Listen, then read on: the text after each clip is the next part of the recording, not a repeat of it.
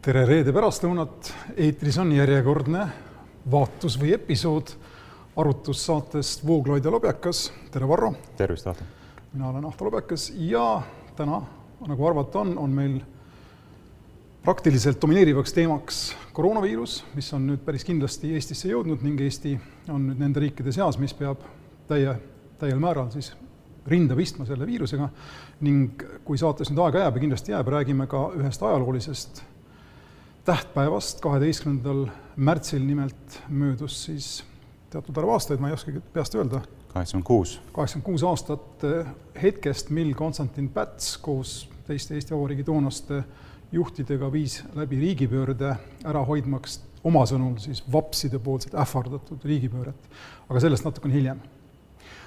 alustame koroonaviirusega ja kust mujalt selle teemaga alustada, kui valitsuse pressikonverentsist, mis äh, toimus eile ning valitsuse kriisikomisjoni pressikonverentsist, mis toimus täna hommikul.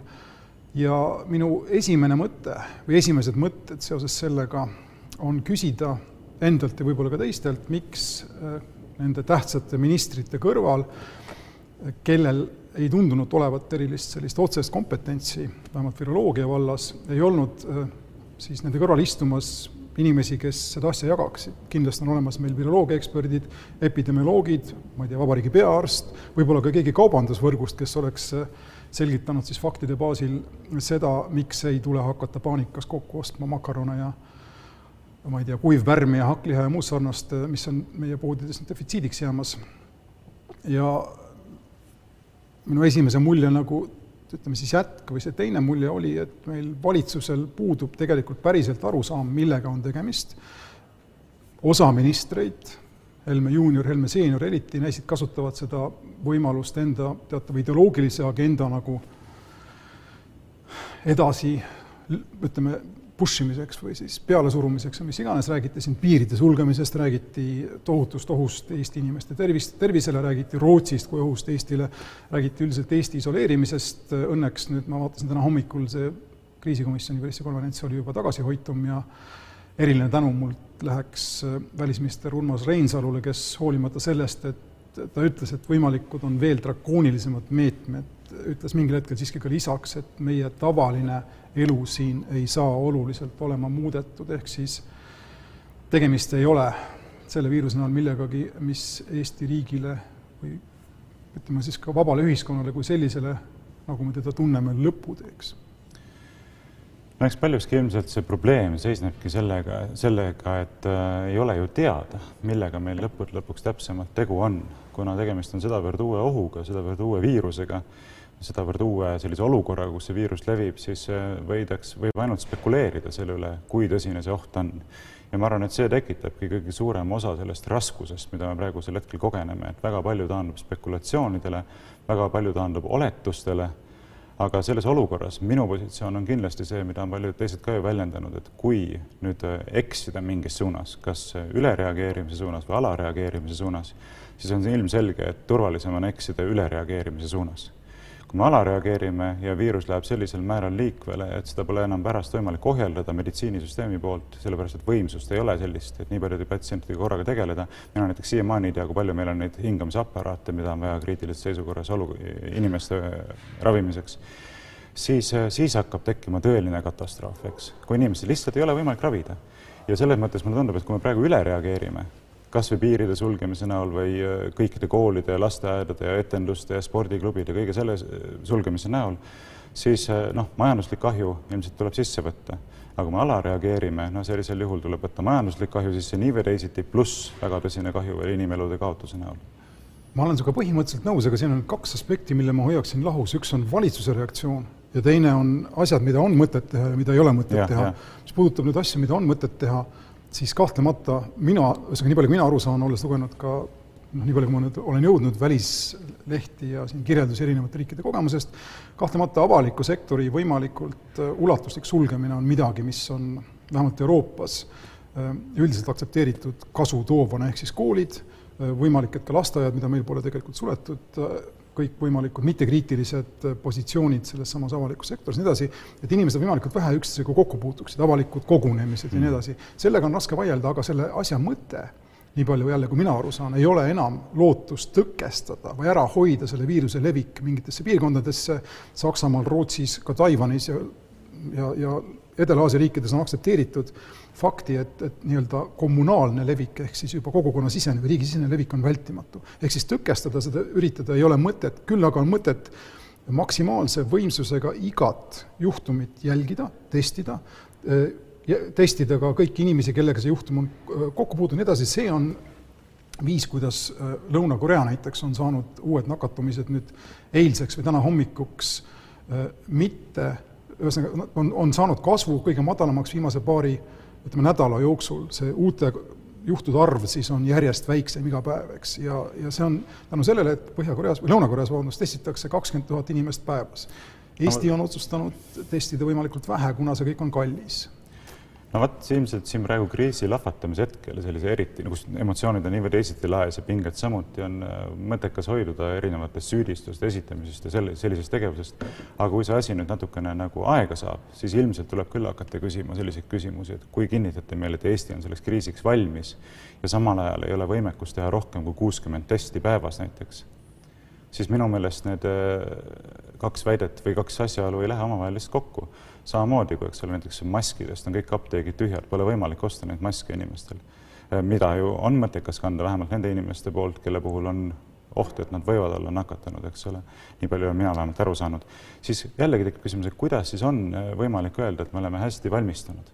Ja, ja noh, tulles tagasi korraks võib-olla selle juurde, mida sa ennem ütlesid ka, et uh, Urmas Reinsalu väide, et meie elu ju eriti ei muutu, nii noh, esiteks ma ei saa sellega kuidagi nõus olla, et kui inimestel jäävad lapsed koju näiteks. see oli lubadus rohkem, et meie eluviis ei muutu, ma nüüd nojah, aga ütleme, eluviis muutub küll selles mõttes, et kui juba, kui lapsed koju jäävad no koolist. aga mitte alatiseks, ütleme siis. no mitte alatiseks, jah. loodame, et keegi ära ei sure, eks. seda tahaks küll loota, et mitte alatiseks. mina mõtlesin rohkem seda et meie ühiskond ei muuda enda loomust, me ei, me ei harjugi elama mingisuguses piiride suletuse ja ma ei tea, kommunikatsioonipuuduse tingimustes ülejäänud maailma. Jah, ilmselt selle juurde me tuleme tagasi, sest siin on ka väga tõsised ohud üleval, eks ole, et võib-olla, et see on ka sammuks, mis viib meid uude ühiskonnakorraldusse, mis ei ole sugugi nii roosiline.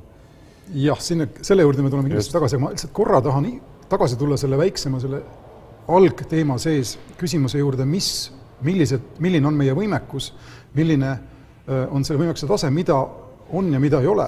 Ja ma saan aru, et valitsus on valinud iseenesest sellise noh, mõistetava ja mugava tee. Ehk siis mitte sellest otse rääkida, sest et ma kujutan ette, et argument kulisside taga on, et kuna me võib-olla ei oma neid võimekusi piisavalt ja kuna me ise täpselt ka ei tea, mis meil on, siis parem ärgem rääkigem sellest, aga see on ainukene viis minu arvates kõigest rääkida ja rääkida ka sellest, palju läheb raha ja palju valitsusel raha on panna selle alla, et inimestes tekitada mingisugust tunnet, et valitsus on selle asja võimeline kontrolli alla saama. lihtsalt rääkida, nagu kõik ministrid tegid seda täna hommikul, et küll me saame hakkama ja, ja. tuleme sellest supist välja ja, ja nii edasi, selle taustal kusjuures veel, et osa ministreid räägib, et paneme piirid kinni ja poolteist kuud üldse maailmaga ei suhtle ma täitsa mõistan, miks inimesed lähevad poodidesse neid tühja, tühjaks ostma. siin ma olen sinuga küll sada protsenti nõus, noh nagu enamikus teistes asjadeski, selles, millest me praegu oleme rääkinud, et äh, nii kui tekib selline tunne, et hoitakse olulist informatsiooni kinni või avalikkust ei äh, informeerita täielikult äh, kõikidest asjaoludest ja ausalt siis ma arvan, äh, see on kõige kindlam retsept paanika tekitamiseks äh, sõna otseses mõttes, sellepärast et kui see usaldus kaob ära, eks, et see, ma arvan, et see on esimene asi, mille eest tasub praegusel hetkel hoolitseda, et kommunikatsioon oleks usaldusväärne ja kusjuures valitsuse kommunikatsiooni vaatepunktist mul tekib siin praegu mõte, see oleks muidugi kohutav, aga samas, kui valitsus tõesti mõtleb tõsiselt seda, mida, mida ministrid ütlesid täna ja eile, et inimeste elud on see, mis on kõige olulisem, eks, siis ka aus tunnistus selle kohta näiteks, et oled, ma ütlen suhteliselt umbes praegu selle numbri, aga et, et meil on intensiivravivoodeid võib-olla noh, vähe, eks sada, kakssada või mul on selline number kuidagi meeles, ma võin nüüd eksida, igal juhul ütleme, et meil ei ole neid võimalikku, ma ei tea, kahe tuhande inimese jaoks. ka selline ülestunnistus, ma pakun, aitaks võib-olla mõnel inimesel teha valiku, kas jääda siia või minna Soome või Rootsi, kus on garanteeritud, et ta ei jää kusagile tänavale surema või haigla koridori surema, vähemalt tänase seisuga, eks. tänase seisuga jah, aga pikemas perspektiivis ei ole seegi sugugi garanteeritud, et Itaalia meditsiinisüsteem on ka ju tuntud ühe maailma parimana, ometi nad on täitsa käpuli oma olukorraga praegusel hetkel. ja Rootsis ma eile lugesin Toomas Nüüeterist, on otsustatud mitte enam testida inimesi, kes ei kuulu riskigruppidesse. Öeldakse, kui te olete noor ja tugev ja terve, minge koju ja põdege see läbi, põhimõtteliselt ressurssi ei ole riigil no,. aga kui, tuleme tagasi jälle, kui, kui Rootsi ressur-, kui Rootsi riigil ei ole sellist ressurssi, siis kogemus ütleb mulle, et Eesti riigil see ressurss on pehmelt öeldes minimaalne. arvata võib, arvata võib ja tegelikult see on üks väga oluline asi, mida oleks vaja teada, kui kaugel on see punane joon millisel hetkel saabub Eesti meditsiinisüsteemis see punkt, kus tegelikult ei olda suutelised enam patsiente samaaegselt ravima ja noh, muidugi see punane joon on ka peamine põhjus, miks öeldakse, et kõige olulisem asi, mida praegusel hetkel on tarvis teha, on pidurdada haiguse leviku kiirust. Et isegi kui ta levib, siis las ta levib aeglasemalt, et meditsiinisüsteem suudaks tegeleda inimestega üheaegselt piiratud arvu ulatuses. see ongi Just. Äh, põhjus, miks avaliku sektori üritused on täiesti mõistlikult, nagu ka mujal Euroopa Liidus, Euroopa riikides ja mujal, eks, on meil nüüd põhimõtteliselt keelustatud, aga Äh, teiselt poolt seni, kuni äh, riigil või ütleme siis meditsiinisüsteemil ei ole seda testimise võimekust, siis kontroll ikkagi selle üle, mis tegelikult toimub, jääb minimaalseks ja kui kontroll on minimaalne, siis on ilmselt ka valmistuda praktiliselt võimatu selleks, mis tuleb, kui me usaldame või usume seda, mida ütles Angela Merkel siin paar päeva tagasi ja muuseas, seda tsiteeris ka Martin Helme, küll teistel põhjustel ilmselt, aga noh, eeldusel, et näiteks kaks kolmandikku Saksa rahvast varem või hiljem saab selle viiruse ja kui suremusprotsent on üks näiteks, mis on suhteliselt väike, maailma keskmine on kolm koma neli vist, kolm koma seitse, kui see on üks, siis Saksamaal sureks viissada tuhat inimest. me räägime väga tõsistest arvudest, aga jällegi eh, nende arvude lihtsalt õhku viskamine on kõige kergem viis inimesi paanikasse ajada. mis mind huvitaks, ma tulen lihtsalt tagasi, ma tahaksin, et eksperdid ütleksid valitsuses, ütleme ministrite kõrval istudes, arstid, epidemioloogid, ma ei tea, isegi mõtlesin kaubandussektori inimesed, eks, ütleksid, mis saab, ütleme, kahe või kolme või nelja või viie kuu pärast mm. -hmm. kui kaugele meil on see kindlus olemas, et riik saab hakkama mm. -hmm. kommunikatsiooni vaatepunktist riik ei tohi seda öelda, aga samas see on ju absurdne. ei, ma olen ikkagi, ma ütlen veel kord, et ma olen nõus, et see mida rohkem avalikkusega informatsiooni jagatakse, seda parem. praegu ei ole küll see koht, kus hakata nagu enda teada hoidma, et mitte paanikat tekitada. mina ütlen vastupidi, mida vähem informatsiooni jagatakse, mida puudulikumalt seda tehakse, seda kindlam on, et paanika just nimelt tekib. sest paanika allikaks on ju tegelikult just nimelt see äratundmine, et see, mida sulle räägitakse, ei vasta tegelikkusele, siis hakatakse irratsionaalselt tegutsema, eks, et enam ei ole seda toetuspunkti, millele tuginedes langetada ratsionaalseid otsuseid, sellepärast et sa tunned, et sulle esitatakse irratsionaalse mustri alusel informatsiooni.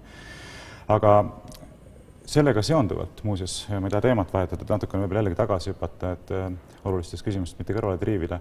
aeg nüüd näitab, kas see reaktsioon, mis Eestis on tehtud, on esiteks piisav ja teiseks, kas ta ei ole hiljaks jäänud. sellepärast, et me mäletame väga hästi, et siin veel kaks-kolm nädalat tagasi ikkagi üsna julgelt tehti veel nalja sel teemal, et noh, et tegemist on tavalise külmetushaigusega ja ma ei tea, mida kõike, eks ole räägi, noh, nagu see, see juhtkiri seal Saaremaa Meie Maa lehes, mis ära koristati, nii et ma ei mäleta, mis see pealkiri seal oli, aga no naeruväärne igal juhul, eks ole. tegemist on jah. terve mõistus, et.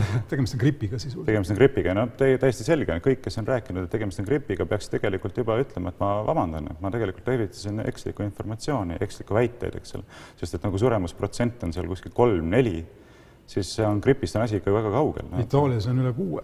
üle kuue, eks ole, sel hetkel, kui meditsiinisüsteemi suudame välja pidada, et et, kõik oleks hästi selge, see protsent on nakatunutest, mitte siis üldpopulatsioonist. jaa, mitte üldpopulatsioonist, loomulikult. see on lihtsalt, see näitab siis, jumal teab, mida ta näitab, aga muuhulgas näitab ta siis ka riigi või süsteemi võimekust hakkama saada juba nakatunud inimeste eest hoolitsemisega, eks. jaa, aga kui me võrdleme ühe viirushaiguse puhul seda protsenti ja teise viirushaiguse puhul seda protsenti, siis mida iganes ta näitab, ta on omavahel võrreldav, eks. aga oluline on jällegi nagu märkida meil siin, kas Reinsalu rõhutas seda mitu korda, et Eesti on, Eesti võtab, Eesti võtab või joondub teiste riikide kogemuse järgi, olgu see siis hea kogemuse järgi ja hoidub halvast kogemusest, no vaatame näiteks Lõuna-Koread, seal on suremusprotsent null koma seitse protsenti või suremussuht on null koma seitse protsenti ning riik iseenesest on seest või seespidiselt täiesti avatud. meie mõistes isegi see avaliku sektori sulgemine, ma saan aru, pole aset leidnud, aga väga hästi informeeritakse inimesi, valitsus annab kaks korda päevas teada uutest arengutest ning inimesed ise on distsiplineeritud.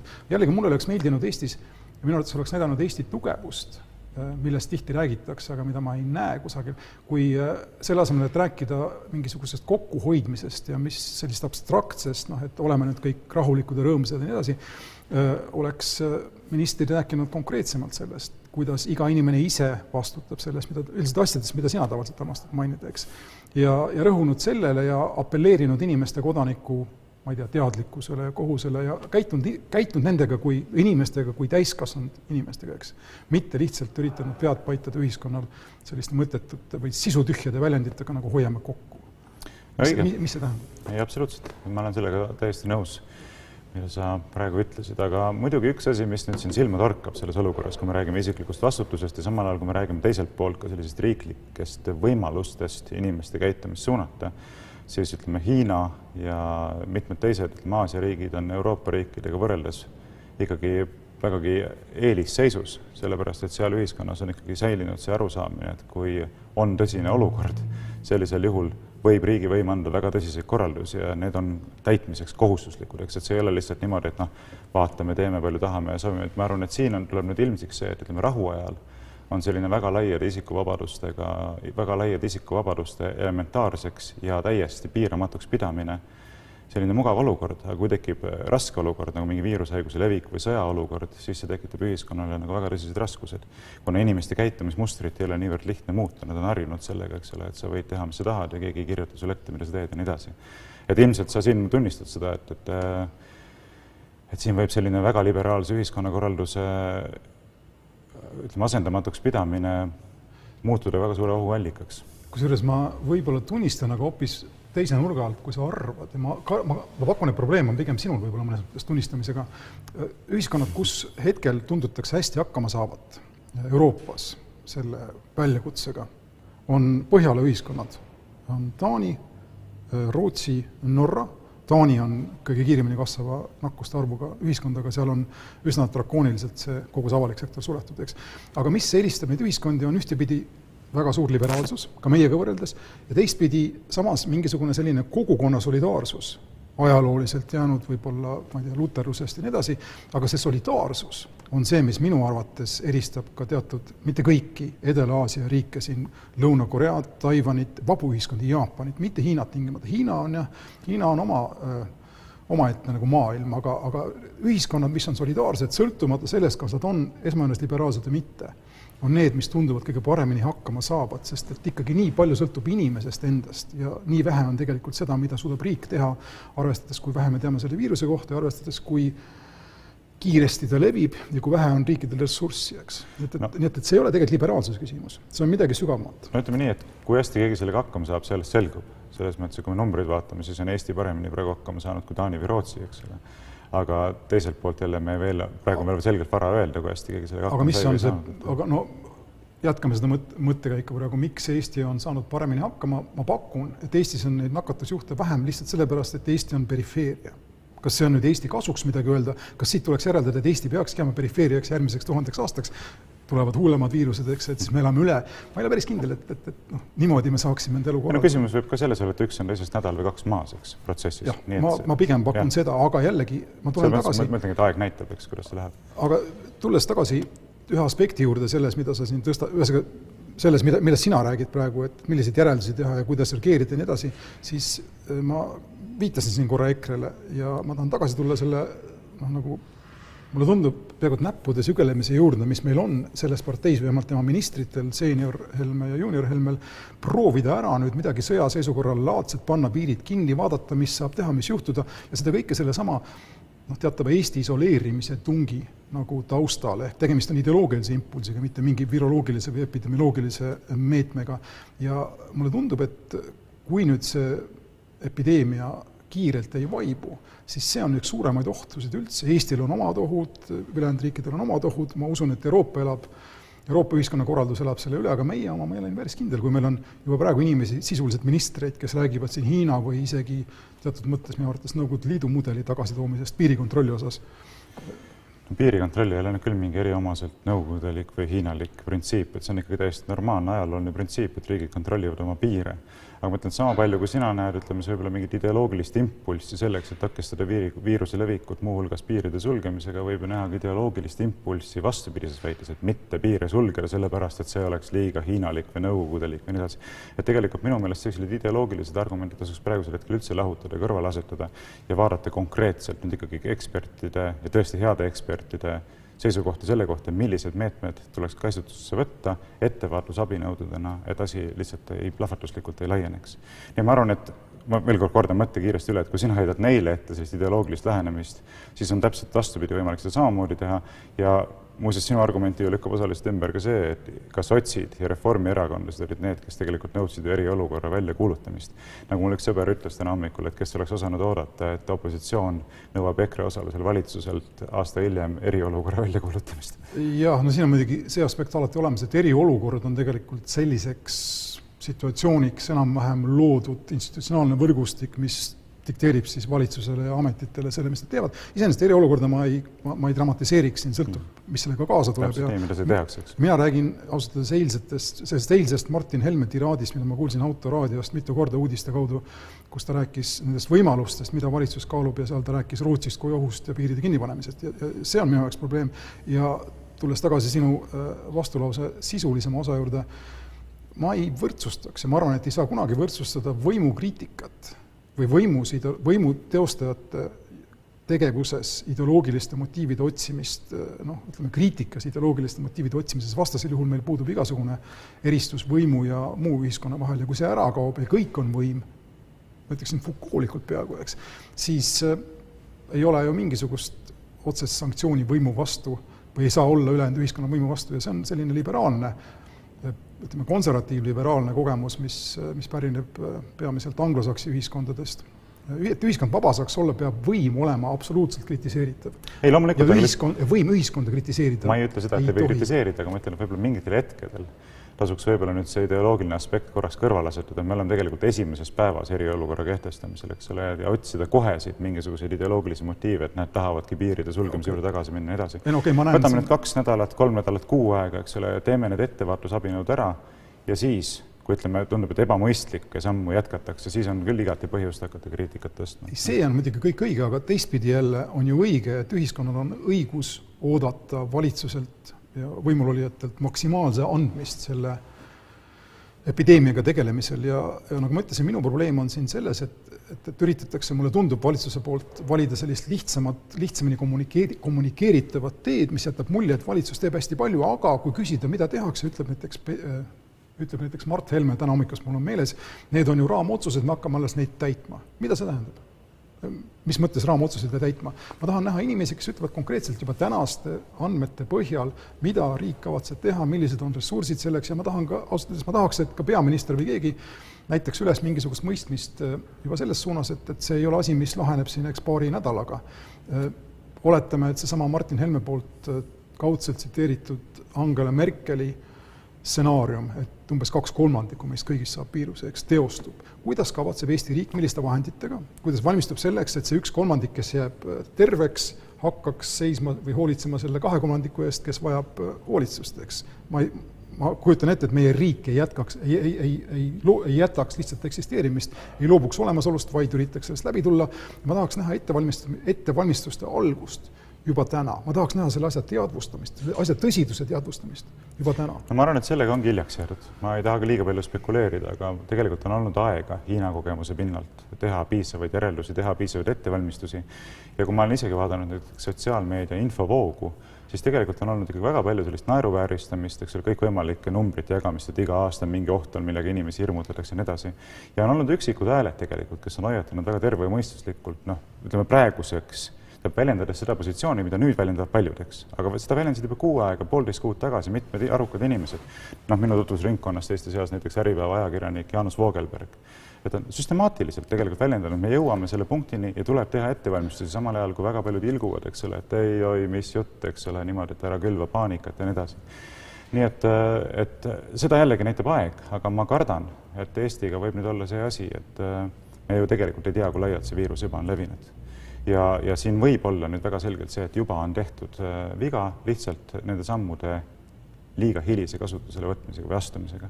võib-olla oleks tulnud kohe pärast koolivaheaega koolid sulgeda, et mitte lasta üleüldse levima hakatagi asja, sellepärast et me teame, et kui meie võimekus on piiratud, siis kui see läheb üle nende võimekuse piiride, siis sa seda enam kinni ei püüa niikuinii. ega, ega ei halda seda ka meditsiinisüsteemis, nii et, et see on minu su kõige suurem kartus. selles mõttes sul on kindlasti õigus ja ma oletan näiteks, et kui riik oleks koheselt suunanud ressursi näiteks sellesse, sellesse samasse testimisse, millest siin noh, Taiwan'i ja Lõuna-Korea puhul on väga palju kasu olnud ja mida tundub, et meil, äh, milleks meil väga palju raha ei ole, siis kindlasti oleks tulemused teised ja eriti Eesti-suguses ühiskonnas, mis on ju suhteliselt nagu, on seni uhke olnud enda modernsuse ja, ja internetiseerituse ja arvutiseerituse ja kogu selle e-ühiskonna osas, eks, see oleks pidanud olema lihtsam võib-olla isegi veel kui Taiwanil või äh, või, või, või Põhja- või Lõuna-Koreas, aga see, selle mündi teine pool ikkagi, mis mind rohkem huvitab, äh, on millised piirid või kuhu me tõmbame selle piiri mm -hmm. ütleme, nende põhivabaduste ja selle vajaduse vahel hoolitseda selle eest, et meil ühiskond ära ei sureks, eks, või võimalikult vähe inimesi sureks.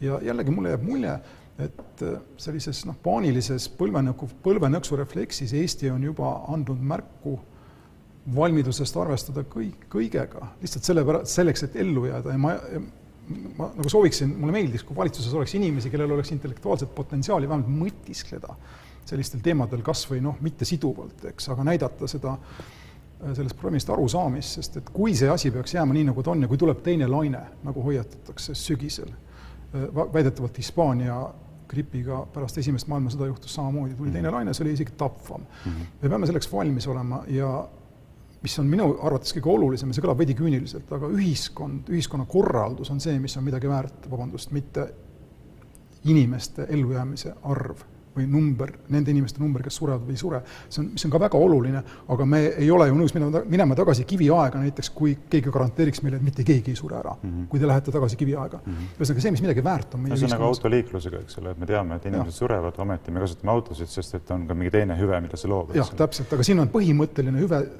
noh, ka sulle peaks apelleerima, eks meil on siin midagi, mis on kas meie endi või kellegi teiste poolt põlvkondade, aastasadade vältel akumuleerunud, need vabadused, põhiõigused, ja nendest lihtsalt esimese viiruse puhul loobuda, mille surevusprotsent on minu pärast kas või kümme, eks, ei ole mõistlik. ei, ma olen sinuga selles osas täiesti nõus, see on väga oluline tähelepanek tegelikult, et niimoodi suurest hirmust kantuna võib tegelikult lahti öelda elementaarsetest ühiskondlikest vabadustest ja ütleme, mingi psühhopaadi laadi inimesed võivad seda ka ära kasutada sellisel viisil.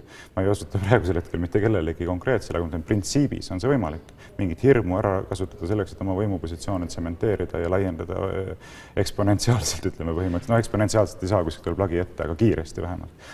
aga mida ma noh, näiteks tooksin esile, sa ise mainisid enne meievahelises vestluses sellist massjälgimist näiteks GPS-seadmete kaudu. see on osa sellest teemast. jah, mis võiks olla, eks ole, et me tahame teada, kus keegi mingil ajahetkel viibib, järelikult me peame kehtestama korra, et kõiki inimesi pidevalt jälgitakse samamoodi, mis võib tulla näiteks on, ütleme, sundvaktsineerimine, et on mingisugune töötatud välja mingi väidetavalt tõhus vaktsiin, noh, me ei tea, see selgub aja jooksul, mis ta kõrvalmõjud on ja nii edasi, aga kuna oht on nii hull, siis kõik massiliselt, absoluutselt eranditult tuleb nüüd kiiresti vaktsineerida, eks ole, mis on ka tegelikult päris räige nagu põhiõiguste rikkumine, kui nii võtta.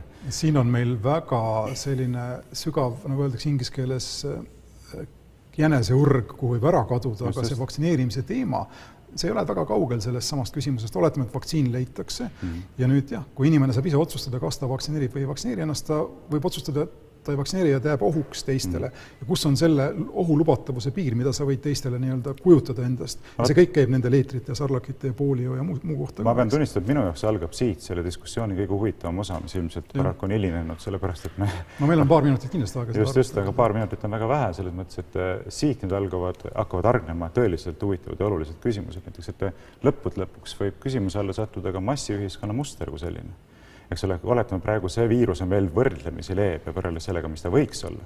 oletame, kui mingisugune, noh, ma ei ole asjatundja, aga ma olen lugenud sellist viirust nagu MERS, mille suremusprotsent on väidetavalt kolmkümmend kuskil ja kui tal oleks samasugune levivus, nagu on praegu sellel viirusel, millest me räägime, siis oleks tegelikult olukord selline, et me peaksime lahti ütlema massiühiskonna mustritest kui sellistest. me ei saa enam pidada massikoole, me ei saa enam pidada ühistransporti, me ei saa pidada elementaarseks turismi ja pidevat reisimist ja tulebki hakata vaatama, kuhu metsatallu elama minna, selles mõttes, et kui tahad ellu jääda, eks ole. ja kust saada relvad, eks, et katta ära perimeeter, et keegi sulle lähedale tuleks. see on täiesti reaalne tõsine küsimus.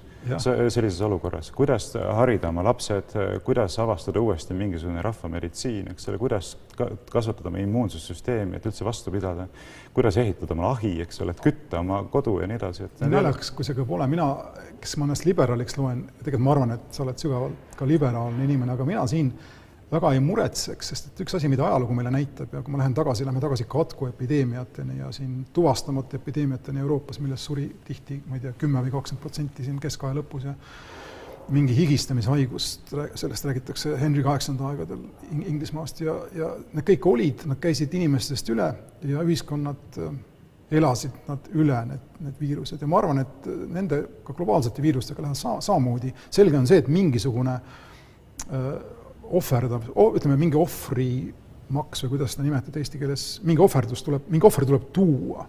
ja jällegi meeles tuleb pidada ikkagi seda, et noh, mina ei läheks, ma ei mõtleks sinuna sellele, et, et kuidas metsatalus hakkama saada, võidu, võitlus tuleb ikkagi selle nimel pidada, et hakkama saada enam-vähem seni, nagu me oleme tänaseni hakkama saanud ja natukene paremini, ütleme, inimeste ühiskonnana mitte, mitte irduda metsade alla, kuigi ma respekteerin seda. ei, ma ütlen, et see ei pruugi olla mingil hetkel enam nagu eriti valik, vaid see võib olla lihtsalt sundkäik, sellepärast et ei ole võimalik, lihtsalt ei ole võimalik enam äh, kõik koos ninapidi koos elada, sellepärast et see on liiga ohtlik. loomulikult on võimalik, aga sellisel juhul sa pead lihtsalt ka, kuidas siis öelda äh,, aktsepteerima need riskid ja aktsepteerima need ohud, eks ole. aga seda ma tahangi öelda, mis on siis äh, väärtuslikum, kas sinu elu jätkumine või selle ühiskonna, ühiskondliku väärtuse edasikestmine ajas no,? Isegi inimelu tingimustes. ma ei ole muuseas üldse kindel selles, et massiühiskonnas elu jätkumine on väärtuslikum kui normaalses ajas. ma räägin sotsiaalses ühiskonnas, mitte tingimata massiühiskonnas.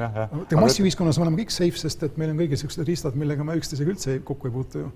päris massiühiskonnas no jaa, aga ometigi füüsiliselt me elame ikka väga ninapidi koos, noh, lapsed käivad kõik koolis, eks ole, kõik kasutame vähemal või rohkemal määral ühistransporti ja nii edasi, nii et ma ütlen, et need asjad ja, ja turism näiteks, see, et me saame reisida pidevalt ja piiramatult sisuliselt, eks ole, ja me oleme hakanud pidama seda nagu inimõiguseks, mida, mida ei saa üldse kahtluse alla seada, ma arvan, et need küsimused ja vähemalt selle üle tasuks mõelda, et need ei ole tegelikult mingid asjad, mis on antused ja mida, mis peavad alatiseks niimoodi jääma, ei pruugi jääda.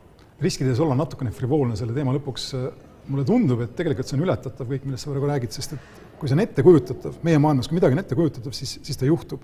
ja kui sa räägid siin kontaktiprobleemidest ja see käib laste koolis käimisest, koolis käimise kohta, ühistranspordi ja kõige muu kohta, mingit laadi kiiver varem või hiljem. välja lähed ainult kiivris ja suhtled ilmselt läbi mingi virtuaalreaalsuse, eks, või kõik on tehtav ja, ja massiühiskond elab üle. aga äh, teeme siin väikse vahe.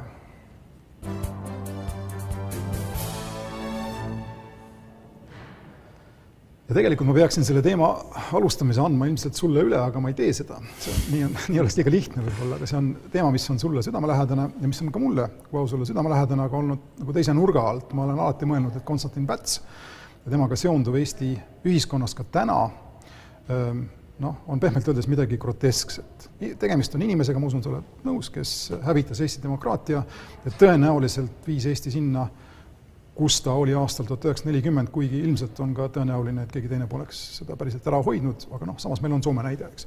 igal juhul kõik see juhtus tänu sellele, et äh, kaheksakümmend aastat, kaheksakümmend kuus aastat tagasi, nagu sa ütlesid, äh, Konstantin Päts viis läbi riigipöörde, tõi sisse vaikiva ajastu selleks, et populaarseks muutunud vabadussõjalast, sõjalaste liikumine nüüd minu vaatepunktist ei saaks püsti panna mingisugust füürerlikku süsteemi või mingisugust protofašismi siin Eestis äh, teiste või paljude Euroopa riikide eeskujul, nagu Itaalia näiteks ja Saksamaa.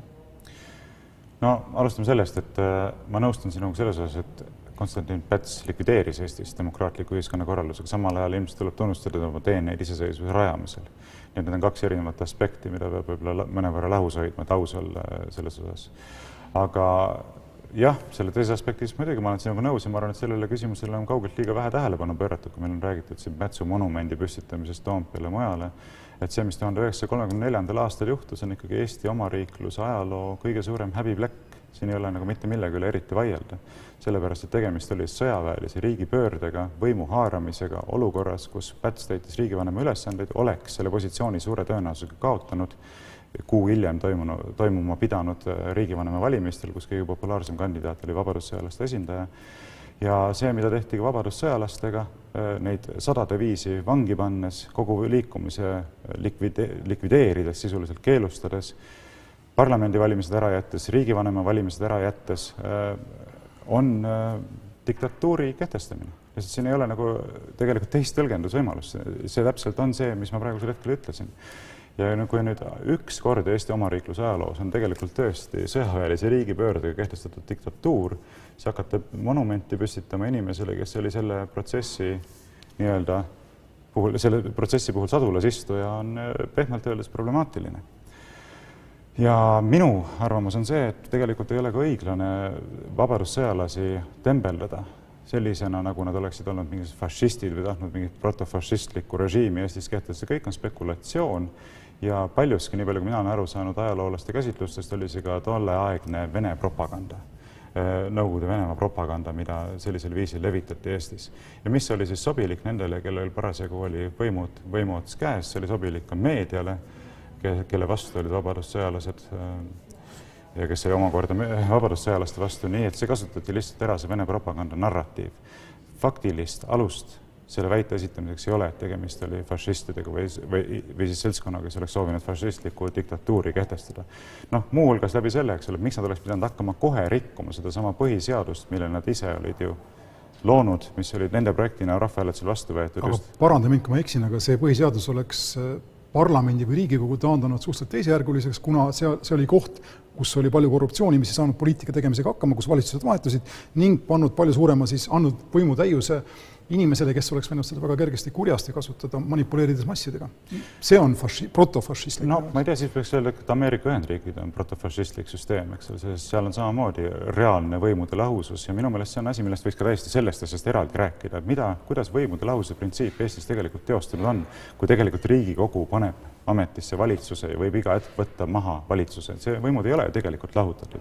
et selle süsteemi kohaselt oleks Riigikogu valitud eraldi ja riigivanem valitud eraldi, kes on siis ühtlasi ka äh, peaminister, eks ju, täidesaatva võimuharu juht. ja nad on reaalselt eraldiseisvad, üks valitakse eraldi, teine valitakse eraldi, mitte nii, et üks paneb teise ametisse ja võtab ametist ja, maha. nüüd oled sina see, kes on jälle utopistlik ja mina olen niisugune peaaegu et padukonservatiiv, aga mida ma tahan öelda es, esimeses järjekorras on see, et võimude lahusus ühiskondades nagu Ameerika Ühendriigid ja ka Prantsusmaa näiteks, kus on tugev presidentaalne süsteem, eh, toimib ainult sellepärast, et selle taga on jällegi põlvkondi ja põlvkondi ja sajandeid ajaloolist pretsedenti, mis on vaikselt akumuleerunud, millest on saanud institutsionaalne reaalsus, mis suudab iseenda eest seista. seda tühja koha peal näiteks Eestis ei ole võimalik luua ja see on ka põhjus, miks ma arvan, et Eestis ei ole mõtet rääkida, on, oli halb rääkida president Toomas Hendrik Ilvese ja teiste poolt, et Eesti on nagu iga teine lääneriik, ei ole. sest vastasel juhul iga teise lääneriigi kakssada, kolmsada, nelisada aastat edumaad selles arengus ei tähendaks ju mitte midagi. milleks üldse töötada siis, kui on kõik niimoodi ära tehtud, eks. mida ma tahan öelda, on see, et Eesti on koht, kus ma ei usaldaks meie süsteemi ka täna, meie institutsioone, selle osas, et kui keegi saab endale väga suure võimutäiuse, et jääks järele mingisugune teine või kolmas sammas, mis teda tasakaalustaks, kohtuvõim või mis iganes. me näeme iga valitsusega, iga tendentsiga, mitte ainult vapsidega ega Pätsiga, vaid meie enda ajastul siin, kuidas see impulss kontrollida on väga tugevalt sisse ehitatud, küll vaikselt ja euroopalikult, aga ta on olemas meil ei ole võimekust praegu võimude lahususe, tõeliseks võimude lahususeks. mina usun, et on ikka, sellepärast et ühelt poolt ma olen sinuga nõus selles, selle osas, et poliitiline traditsioon ja kogemus on oluline aga teiselt poolt ma arvan, et see ei ole ka ütleme, selline absoluutne argument, et see ei ole selles mõttes asendamatu, et on võimalik õppida ka teiste kogemusest ja teiste vigadest. nii et me ei pea tingimata ise nelisada aastat vigu tegema, nagu teised on võib-olla teinud selleks, et õppida nendest vigadest. on võimalik vaadata, mis on toiminud, mis ei ole toiminud, kuidas toimub äh, efektiivne ja samal ajal kultuurne riigi valitsemine ja üritada neid samu mustreid rakendada. kui sa ei lase parlamendil seda teha, vaid lased rahval teha, siis me jõuame sinna, sellele tasandile, et ma küsin, kas see on debatt mille tulemus väljendub jah või ei vastuses mingile küsimusele referendumil, ma ei usu, minu vastus on, ma ei usu, et see oleks võrreldav parlamentaarse debatiga, oma kvaliteedilt, sügavuselt, sisulisuselt ja nii edasi. no ma ei, mul ei ole illusioone Eesti parlamentaarse debati sügavuses ja kvaliteedis, ma arvan, sul samuti mitte. ei, aga mul on veel vähem illusioone jah või ei küsimusele vastamise võimaluste osas noh, väga paljud küsimused on jah või ei küsimused ka parlamendis, et ega lõppude lõpuks. aga sa ise ütlesid, et milliseid vigu me ei taha korrata lääneriikide viimase neljasaja aasta jooksul, viimase neljasaja aasta ajaloos. kes ja kuidas seda arutaks? Äh, mida, saad seda küsimust täpsustada? sa ütlesid, et üks asi, mida me peaksime ja. vaatama ajaloolise kogemuse osas, on, et mitte korrata neid vigu, mida ka lääneriigid on teinud, mitte ainult head pole juhtunud seal, eks, kes seda peaks nagu analüüsima, kes seda arutama peaks, missugused vead välja valitakse, mida mitte korrata, kuidas see toimuks? noh, see on muidugi spetsiifiline küsimus, et me peame konkreetseid küsimusi eraldi vaatama, et seda aga ma, mina pakun, et parlament või mõni selline parlament, põhiseaduslik assamblee on see koht, kus seda teha, mitte nii-öelda rahvaalgatuse vormis no, ei suur, saa seda teha. suur viga muidugi, millest ma arvan, et sinu arvates kõik ka nagu lähtub mingil määral vähemalt, on see, et ega otsedemokraatlikud mehhanismid ei asenda esindusdemokraatlikke mehhanisme. ja, ja see on tegelikult eraldi küsimus, mida tasuks väga põhjalikult käsitleda, sest mina olen sügavalt veendunud, et rahvaalgatusõigus, mis kolmekümne neljanda aasta riigipöördega kaotsi läks mida pole siiamaani tagasi antud Eesti rahvale, algatada siis parlamendis eelnõusid ja vajadusel rahvahääletusi kas uute seaduste vastuvõtmiseks või juba vastu võetud seaduste tühistamiseks on ülimalt oluline mehhanism selleks, et hoida ohjes neid inimesi, oota, las ma lõpetan selle mõtte ära, et hoida ohjes neid inimesi, kes peavad tegutsema rahvaesindajatena. me oleme valinud Riigikogu selleks, et nad esindaksid valijate tahet viiksid seda ellu. ometi, kui nad saavutavad selle võimupositsiooni, nagu me nägime näiteks kooseluseaduse läbisurumise puhul, siis nad võivad hakata suruma läbi projekte, millel puudub rahva enamuse tahe eh,, tahte toetus, rahva enamuse toetus. ja sellisel hetkel aktualiseerub see otsedemokraatliku mehhanismi vajalikkus, sest see võimaldab nad korrale kutsuda. surutakse läbi seadus, sellisel juhul on võimalik eh, takistada seaduse jõustumine kaheks kuuks kogutakse teatud hulk allkirju, näiteks kakskümmend viis tuhat, pannakse rahvahääletusele ja kui rahvahääletusel leitakse, et seda seadust poleks pidanud vastu võtma, siis see on ühtlasi umbusaldus nendele, kes peaksid toimima rahvaesindajatena. me peame sellest täiesti eraldi rääkima, see on selge ja me kindlasti teeme seda, aga minu vaatepunktist mingit garantiid ma ei näe su jutus sellele, et kui tuleb väga suure võimutäiusega Führeri-laadne isik võimule, et ta seda instrumenti kasutaks vastutustundlikult ja nii, nagu riigile hea on. pigem vastupidi, inimene, kellel tekib selline võim, hakkab referendumitega nagu Hitler manipuleerima. no aga Sorry. kuidas sa ütled seda, minu meelest vastupidi, nagu on mehhanism, mis piirab äh, üksikute võimugruppide või siis üksikute võimul olevate isikute võimutäiust, mitte ei laienda seda. see on ju takistuseks nende võimutäiuse, praegusel hetkelgi parteidel on sisuliselt võimutäius, nii palju kui seda Eestis alles on, eks ole, üldse iseseisvust palju alles on jäänud. aga mitte ühtegi mehhanismi ei ole, millega väärata mingi seaduse läbisurumist äh, parlamendi enamuse poolt. ja sellesse kahe, kahe vahel olekusse fundamentaalsesse üksteisega mittenõustumise situatsiooni me hetkel selle saate siin laseme liiva joosta, sest et aeg on otsa saanud. Äh, ka meil on ajalised piirid, igal juhul äh, vaatasite ja kuulasite te talk show'd, kui nii võib öelda, Vooglaid ja Lobjakas minu poolt kena nädalat jääge terveks, näeme taas reedel. kohtumiseni.